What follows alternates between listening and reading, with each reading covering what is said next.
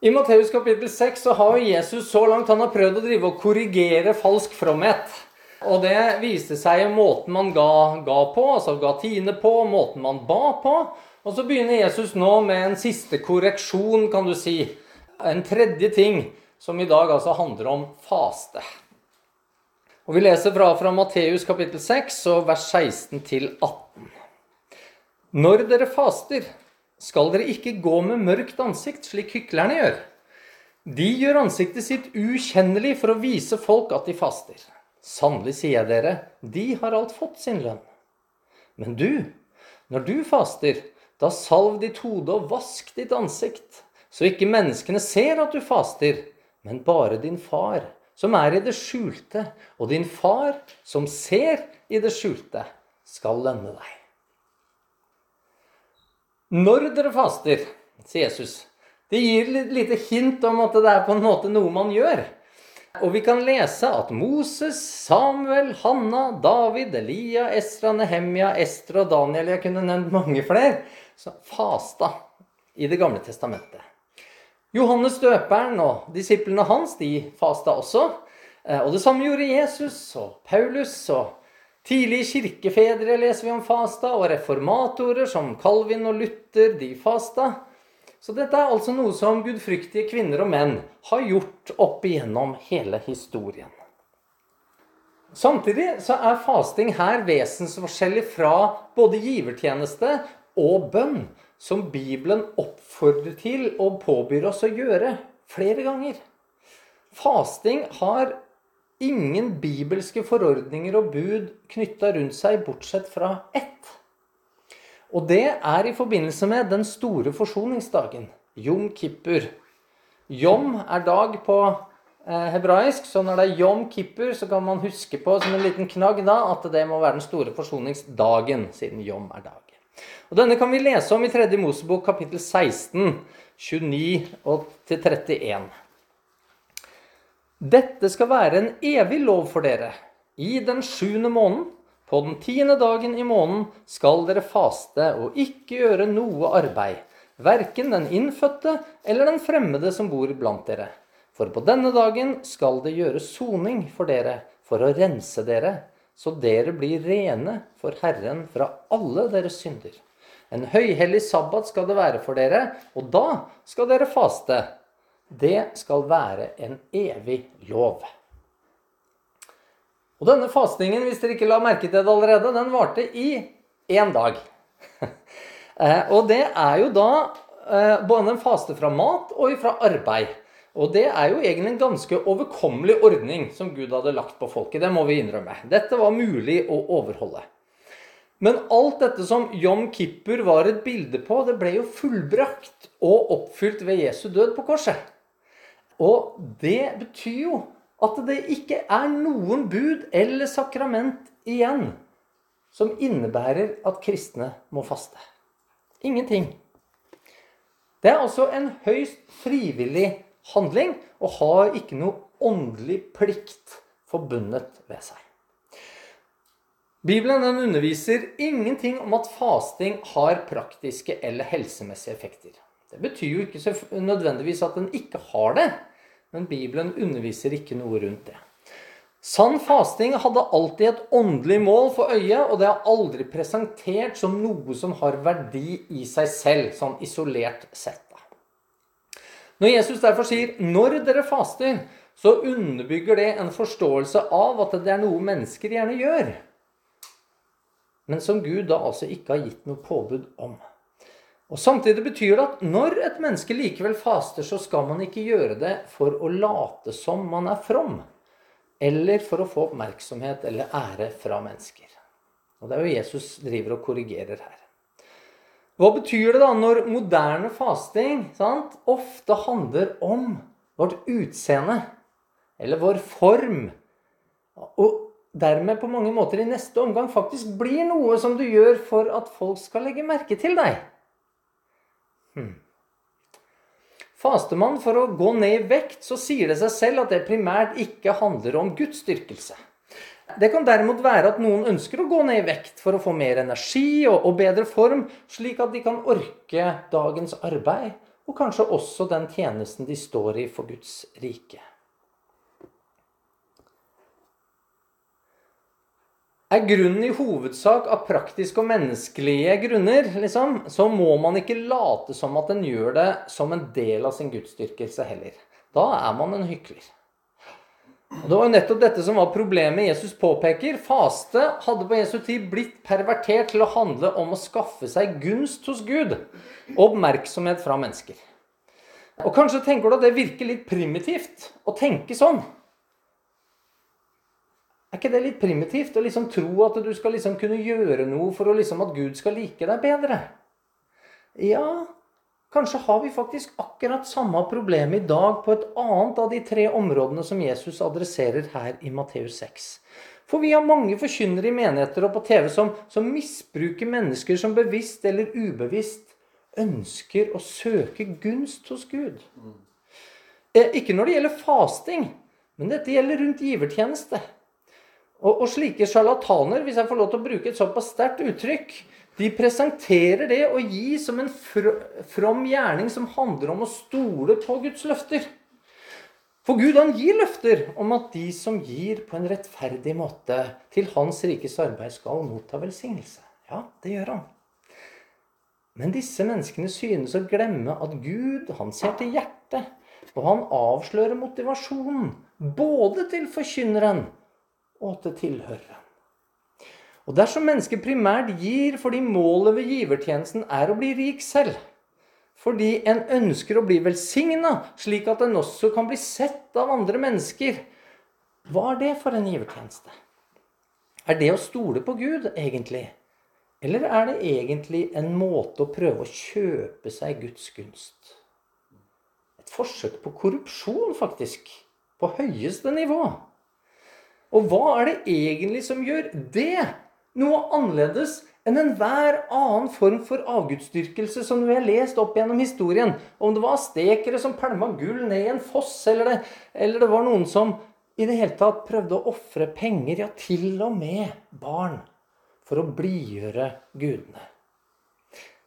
Og De eneste som blir rike, og tilsynelatende da så vellykket, det er jo ironisk nok dem det blir gitt penger til. Dem som misbruker menneskers gale motivasjoner. Og som Jesus sier, sannelig, de har alt fått sin lønn. De får som fortjent. Og de som gir til slike mennesker, får også som fortjent, faktisk. For de har fått akkurat de lærerne som de fortjener. Og det synes som om mange er villige til å la seg forlede nå, akkurat som på Jesus sin tid, i forhold til disse tingene. Fariseerne de fasta som regel to ganger i uka. Og Vi kan lese om det i Lukas 18, 11-12, fra denne kjente historien om fariseeren og tolleren. Fariseeren han står i tempelet, og så sto han for seg selv og ba slik Gud, jeg takker deg fordi jeg ikke er som andre mennesker. Som røvere og urettferdige horkarer eller som denne tolleren. Jeg faster to ganger i uken og gir tiende av alt jeg eier. Nå kan man jo interessant nok si at akkurat det med å faste to ganger i uka synes å være litt sånn på moten igjen. Eh, I hvert fall har jeg lest en del om det. Det er blitt litt populært. Om det er tilfeldig eller ikke, skal ikke jeg bry meg så mye med. Men fariseerne hevdet at disse to dagene det samsvarte med de dagene som Moses gikk to ganger da opp på fjellet for å få de ti bud. Og det er jo fordi at han, måtte, han knuste de første han fikk, så han måtte gå en dag til. Og Tilfeldigvis, da, kan man si, så var disse to dagene akkurat de samme dagene som de to store jødiske markedsdagene. Altså de dagene da byene og landsbyene var fulle av bønder og handelsmenn og folk. Så det var altså akkurat de dagene da man kunne regne med å ha aller størst publikum til sin egen faste. Så det var jo merkelig hvordan Moses og dette, disse markedsdagene tima seg så godt med hverandre. Fariseerne gjorde det tydelig for andre at de fasta. Det gjorde de ved å vise seg ustelte både på håret og i klærne. Og dette kan jo virke litt merkelig i det samfunnet vi er. Vi går gjerne ikke ut blant folk før vi har stelt oss litt. Og de kunne til og med bruke skitt, aske, eller til og med noen brukte sminke for å se bleke og syke ut. Og, og, og dette er jo godt gammeldags skuespill av høyt nivå. Eh, og kanskje lurer du da på hvordan i all verden noe slikt kunne godtas? Altså, Hvordan kunne folk bli sett opp til som så innlysende gjorde seg til på denne måten? Det er sånn man kan sitte og tenke litt på. Og jeg, jeg finner det i hvert fall litt absurd, det hele. Og så lurer du også kanskje på hvorfor ble ikke alt dette her bare latterliggjort? Hvorfor begynte man ikke bare å le av sånne folk? Men så må vi da forstå kulturmessig at slik form for skuespill på flere måter, det var normalt. Det var, det var sosialt akseptert. En kunne møte akkurat det samme når noen mennesker døde. Sant? Da kunne man leie inn noen koner som man betalte for å sørge. Ja, og skrike. Og, og, var man virkelig rik, så kunne man jo, eh, og viktig, så kunne man betale for enda flere som skulle stå der og skrike og gråte og sørge. For å vise at selv i døden så er jeg en viktig fyr, liksom. Så dette her var ikke helt uh, unaturlig i, i, denne kulturen. Ut fra det Jesus lærer om at Gud ser til hjertet, så kan vi da kanskje forstå hvorfor sånne typer skikker har forsvunnet fra, kristne, uh, fra den kristne kulturkretsen. Selv om det faktisk da i en del kulturer er en del av deres kultur ennå. Kommer du ned til en del plasser i Midtøsten i dag, og du, du kommer til en begravelse f.eks., så vil det å stå og, og hyle og skrike og, og, og, nærmest bære seg være en del av, av kulturen der ennå. I Israel på Jesu tid så kom denne form for selvrettferdighet og posering den kom jo fra elitene. Den kom fra toppen av samfunnet. Fra de som ble regna som de som hadde noe de skulle ha sagt. Og når det er slik, så vil på mange måter også dårlige skikker veldig mye raskere bli godtatt i en befolkning. Fordi at disse menneskene er jo det vi på moderne kaller influensere i dag. Eller opinionsdannere, hvis du vil si det på litt mer fint. Og vår tid har jo også sine influensere. Og jeg er jo redd for at mye av det de skaper sosial aksept for, det er vesentlig verre. Og til tider enda mer latterlig enn å spille skuespill når man faster. Det må jeg bare innrømme. Når jeg begynner å sammenligne, så tenker jeg ah, skuespill når man faster, det, det, blir liksom, ja greit, litt absurd. Men i forhold til en god del av det jeg ser i vår tid, så blir det nærmest for ingenting å regne. Menneskers behov for selvhevdelse og selvrettferdighet, den er altså ikke blitt borte. Og etter hvert som vi fjerner oss lenger bort fra Jesu lære i vårt samfunn, så vil altså metodene for selvhevdelse blir mer ekstrem. Sakene man står opp for, mer og mer grunnløse, ja, nærmest onde. Og rettferdiggjøringen av egne gjerninger mer og mer en karikatur av sanne og gode verdier. Hyklere har derimot uansett i hvilken form de kommer, de har allerede fått sin lønn i form av kortsiktig menneskelig oppmerksomhet. Men hva med når du faster? Hva med når du faster? Faste er nevnt rundt 30 ganger i Det nye testamentet, og stort sett så er det alltid positivt.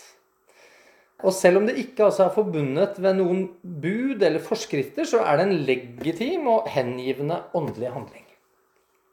Jesu disipler de fasta ikke, og grunnen Jesus gir jo, er at brudgommen fortsatt er hos dem. Og dette viser med tydelighet at faste ikke er noe en gjør kanskje når sola skinner i livet, når, når gleden bare strømmer på, og, og, livet med Gud og arbeidet i Hans rike liksom nærmest går på skinner for en. Faste det er ofte forbundet med, med sorg. Overveldende åndelige behov som må fylles, og der bekymring og uro holder på å kvele både livet, troen og gleden. Så sier Jesus da i Matteus 9, 15, Men de dager skal komme da brudgommen blir tatt fra dem, og da skal de faste. Og Når vi kjenner til disiplenes utgang på livet, og hvordan de hadde det mens de levde også, så har vi en forståelse for at hvetebrødsdagene, om du vil bruke den videre metaforen der, definitivt var over. Det var tøft. Det var vanskelig. Og I møte med store og voldsomme hendelser i livet så er faste en helt naturlig del av en menneskelig respons. Fordi at hvis livet virkelig blir hardt, så har du ikke lyst på mat. Du trenger ikke å, prøve å faste engang. Det klarer du faktisk helt, helt uten uh, å, å prøve en gang. Du, du orker ikke engang å tenke på mat. Tilberede, lage det. Nei, når bekymringen er så stor som det, så er det den eneste tingen du tenker på. Du klarer ikke noe annet. Å prøve å finne løsningen på problemet blir altoverskyggende. Og sånn vil det være helt til du bare kjenner du er nødt til å ta til deg næring. I Det gamle testamentet så ser vi faste når omstendigheten er nettopp slik. David han fasta når hans første barn med Batseba var så alvorlig syk at eh, den sto i fare for å dø, og vi vet at det barnet døde. Og Vi ser det når kong Josjafat får høre om en stor hær. og Han får høre om det når denne hæren beveger seg opp langsmed Dødehavet til noe som heter Engedi, som vi skal besøke nå om noen få uker, bl.a. Eh, og da ble altså kongen svært redd. Og han utbød en faste til hele folket, inkludert seg selv. Vi ser det hos dronning Ester og hennes tjenere og alle jødene, står det, de fasta når Haman sine onde planer altså trua med å utrydde de som folk. Det er ganske alvorlige greier. Og så er faste også forbundet med bot for synder. Eh, sånn som f.eks. når David hadde drevet Thor og fått Batsebas mann drept. Da faster han.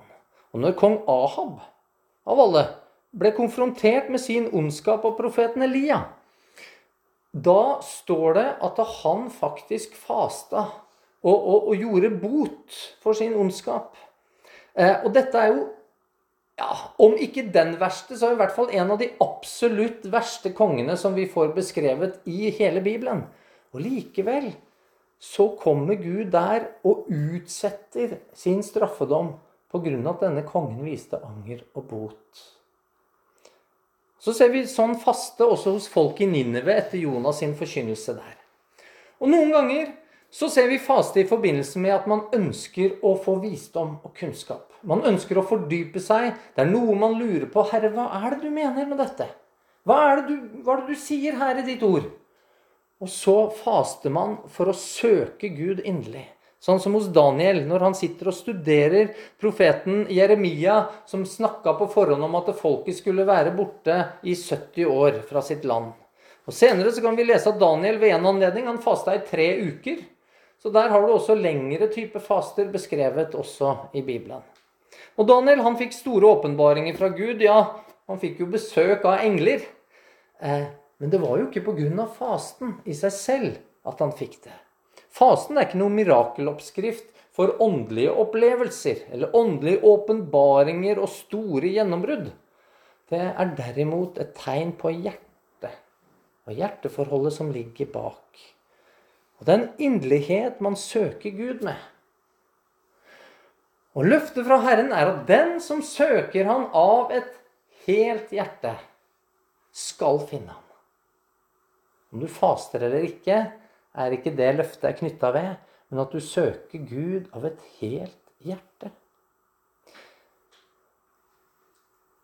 God forståelse og gode relasjoner er avhengig av vår vilje og vår innsats. Ingenting som vi får til, og som vi makter å gjøre her på denne jorda, kommer uten at vi prøver.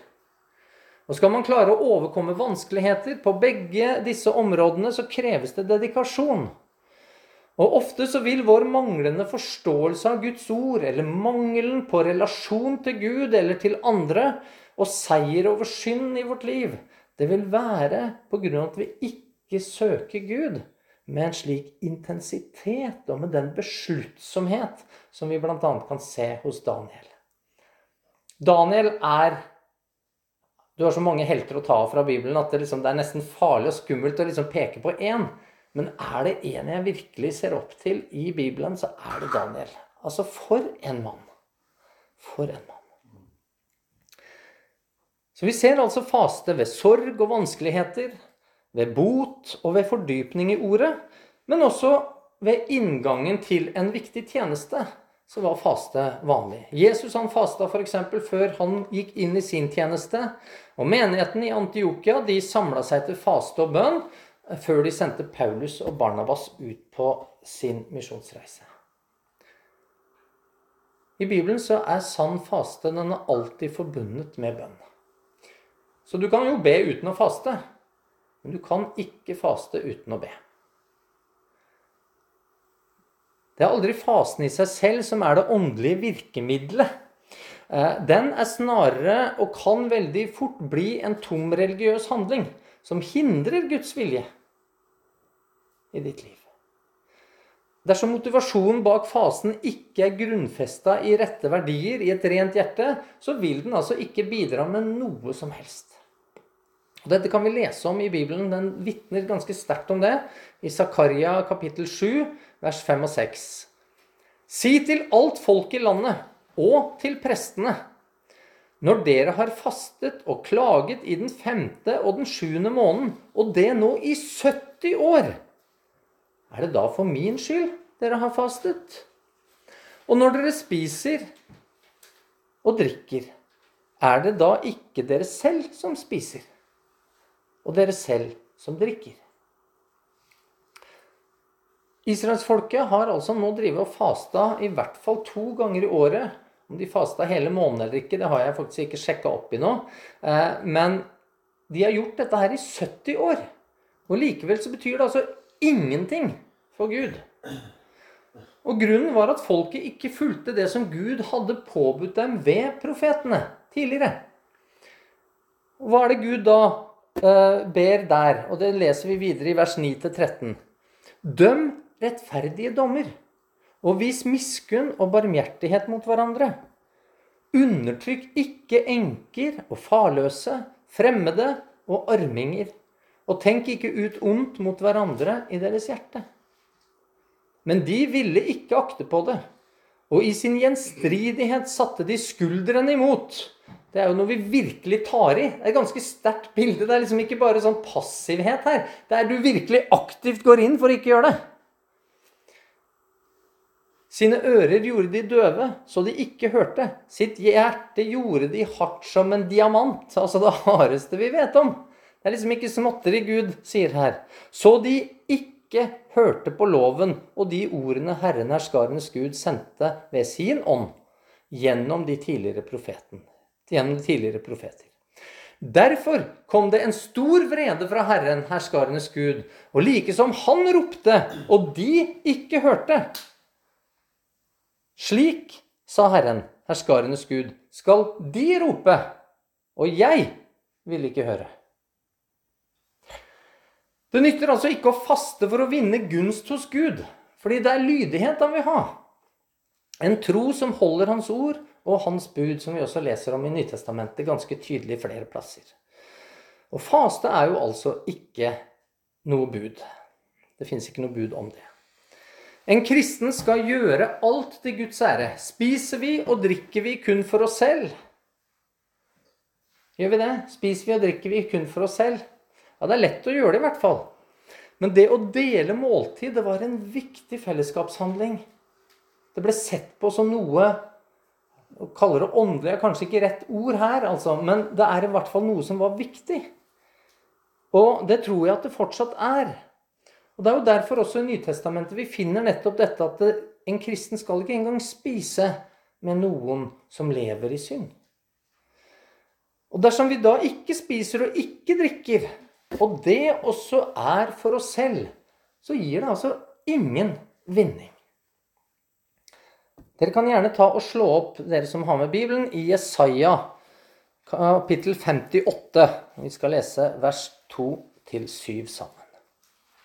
Jesaja 58, vers 2-7. Meg spør de, dag for dag.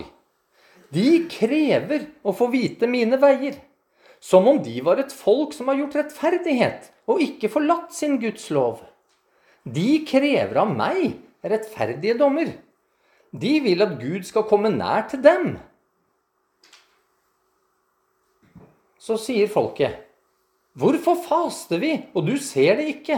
Hvorfor plager vi vår sjel, og du akter ikke på det? Se, på den dagen dere faster, gjør dere som dere lyster, og utbytter arbeidsfolkene deres. Se, for å trette og strides faster dere, for å slå med ugudelighetsneve. Dere faster ikke slik nå at deres røst kan bli hørt i det høye. Er dette den fasen jeg finner behag i? En dag når mennesket plager sin sjel. Har Gud noe behag i vår selvplaging? Bare se rundt deg. Han har skapt en jord som er fantastisk, med overflod av det meste, hvis bare menneskene hadde gjort som de skulle. Nei, han har ikke noe behag i det. Men at den bøyer sitt hode som et siv og reder sin seng i sekk og aske, kaller du det en faste og en dag som behager Herren? Er ikke dette den fasen jeg finner behag i? Så kommer det. At dere løser ugudelighetslenker, sprenger åkets bånd, slipper undertrykte fri og bryter hvert et åk. Er det ikke dette at du bryter ditt brød til den som sulter, og lar hjemløse stakkarer komme i hus? Når du ser en naken, at du da kler ham, og at du ikke drar deg bort fra dem som er av ditt eget kjøtt og blod. Den fasen Gud vil ha, handler ikke så mye om å holde seg borte fra mat, som det handler om å holde seg borte fra ondskap. Det handler ikke så mye om å kvitte seg med avfallsstoffer i kroppen eller kilo, som det gjør å kvitte seg med dårlige vaner og oppførsel som skader andre mennesker. Paulus han vitner om hvordan det funger, kan fungere når vi gjør noe for Gud. Og Det leser vi om i Romerne 14, vers 6. Den som akter på dagen, gjør det for Herren. Og den som ikke akter på dagen, han gjør det for Herren. Den som eter, gjør det for Herren. Han takker jo Gud. Og den som lar være å ete, gjør det for Herren og takker Gud. Og Dette handler da ikke om faste i dette avsnittet, men om å holde helligdager og det å spise eller la være å spise kjøtt, som er en del om akkurat der. Dersom vårt hjerte er vendt mot Gud under friheten vi har i Kristus, så er vi altså ikke bundet av hva vi holder av dager, eller hva vi spiser. Det vil uansett bli til velsigne for, for oss. For Guds ord sier alt tjener til det gode for den som frykter Herren. Om du ikke spiser eller du spiser. Alt er alt. Så lenge vi da ønsker å ære Gud ved det vi gjør, og takker Han. Og Vi kan se dette fokuset på hjerteforholdet som Jesus er så opptatt av fra nok en annen side, da, fra Lukas kapittel 7. Johannes døperen han levde strengt etter reglene. Ja, kanskje faktisk enda strengere enn fariseerne. Eh, og det kan jo nesten synes vanskelig ut, men det kan synes sånn ut fordi det synes som at Johannes levde etter et såkalt nazirer-løfte. Det var et asketisk liv på alle måter, og han f.eks. lot være å drikke vin. Men, men det hjalp jo ikke for fariseerne. Og de ville jo ikke likevel ikke høre på denne profeten sitt ord. For de bare spotta han og hevda at Johannes var besatt av en ond ånd. Og så kommer Jesus, da, som på flere måter er Johannes sin rake motsetning.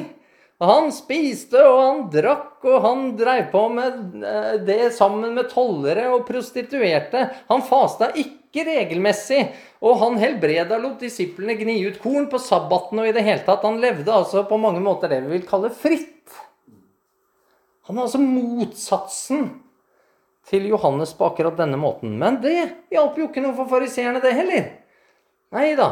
Jesus han ble kalt for storheter, vindrikker og synderes venn. Og Har man ikke sitt hjerte vendt til Gud, så spiller det altså ingen rolle hvordan man lever. Det er det som er poenget. Det de gjør, vil være uten vinning uansett hva det er.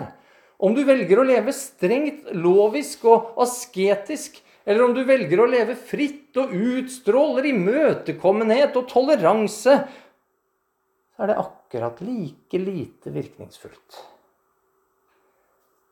De er som Jesus sier, de er som barn som ikke vil godta det sanne evangelium om det presenteres i den ene eller den andre formen. Om det presenteres i form av fløyter man kan danse og juble og glede seg til, eller i form av sørgesanger man kan gråte til. Slike mennesker de vil ikke verken danse eller gråte uansett.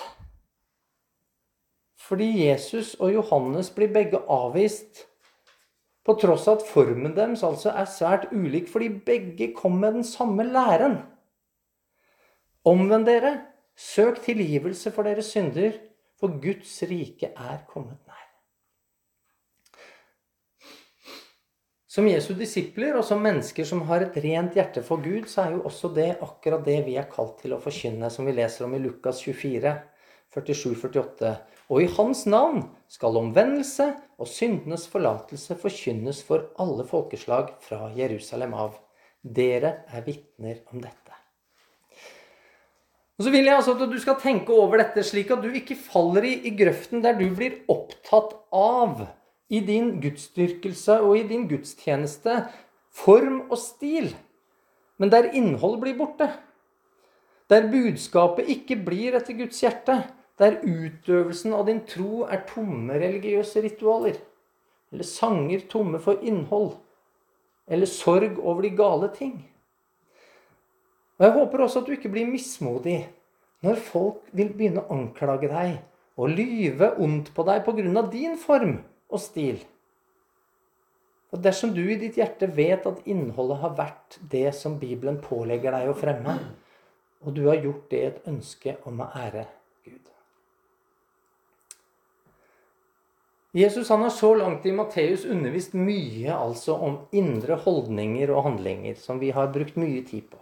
Og I kapittel 6 har han prøvd å vise dette ved å korrigere helt konkrete og praktiske handlinger i form av givertjeneste, bønn og faste. Og så lett det er å bli pressa inn i en korrekt form, som enten handler om det loviske og korrekte, som fariseerne sto for, eller det åpne, fordomsfrie og tilsynelatende kjærlige, som man kanskje litt grovt sett i hvert fall kan si at sadukeerne på en måte representerte. Og vi har på mange måter akkurat de samme grensedragningene i vår tid mellom konservative og liberale. Og Slik har dette bølga litt fram opp gjennom hele kirkehistorien. Og Likevel så ligger altså fokuset et helt annet sted. Og det er jo at du ikke mister ditt hjerteforhold til Herren. For Gud han bruker Johannes døperen og Jesus åpenbart. Han bruker impulsive Peter. Besluttsomme Peter. Tordensønnen og kanskje dermed litt sånn oppfarende Johannes. Og den lærde Paulus og alle andre mennesker i forskjellige former og fasonger og stiler.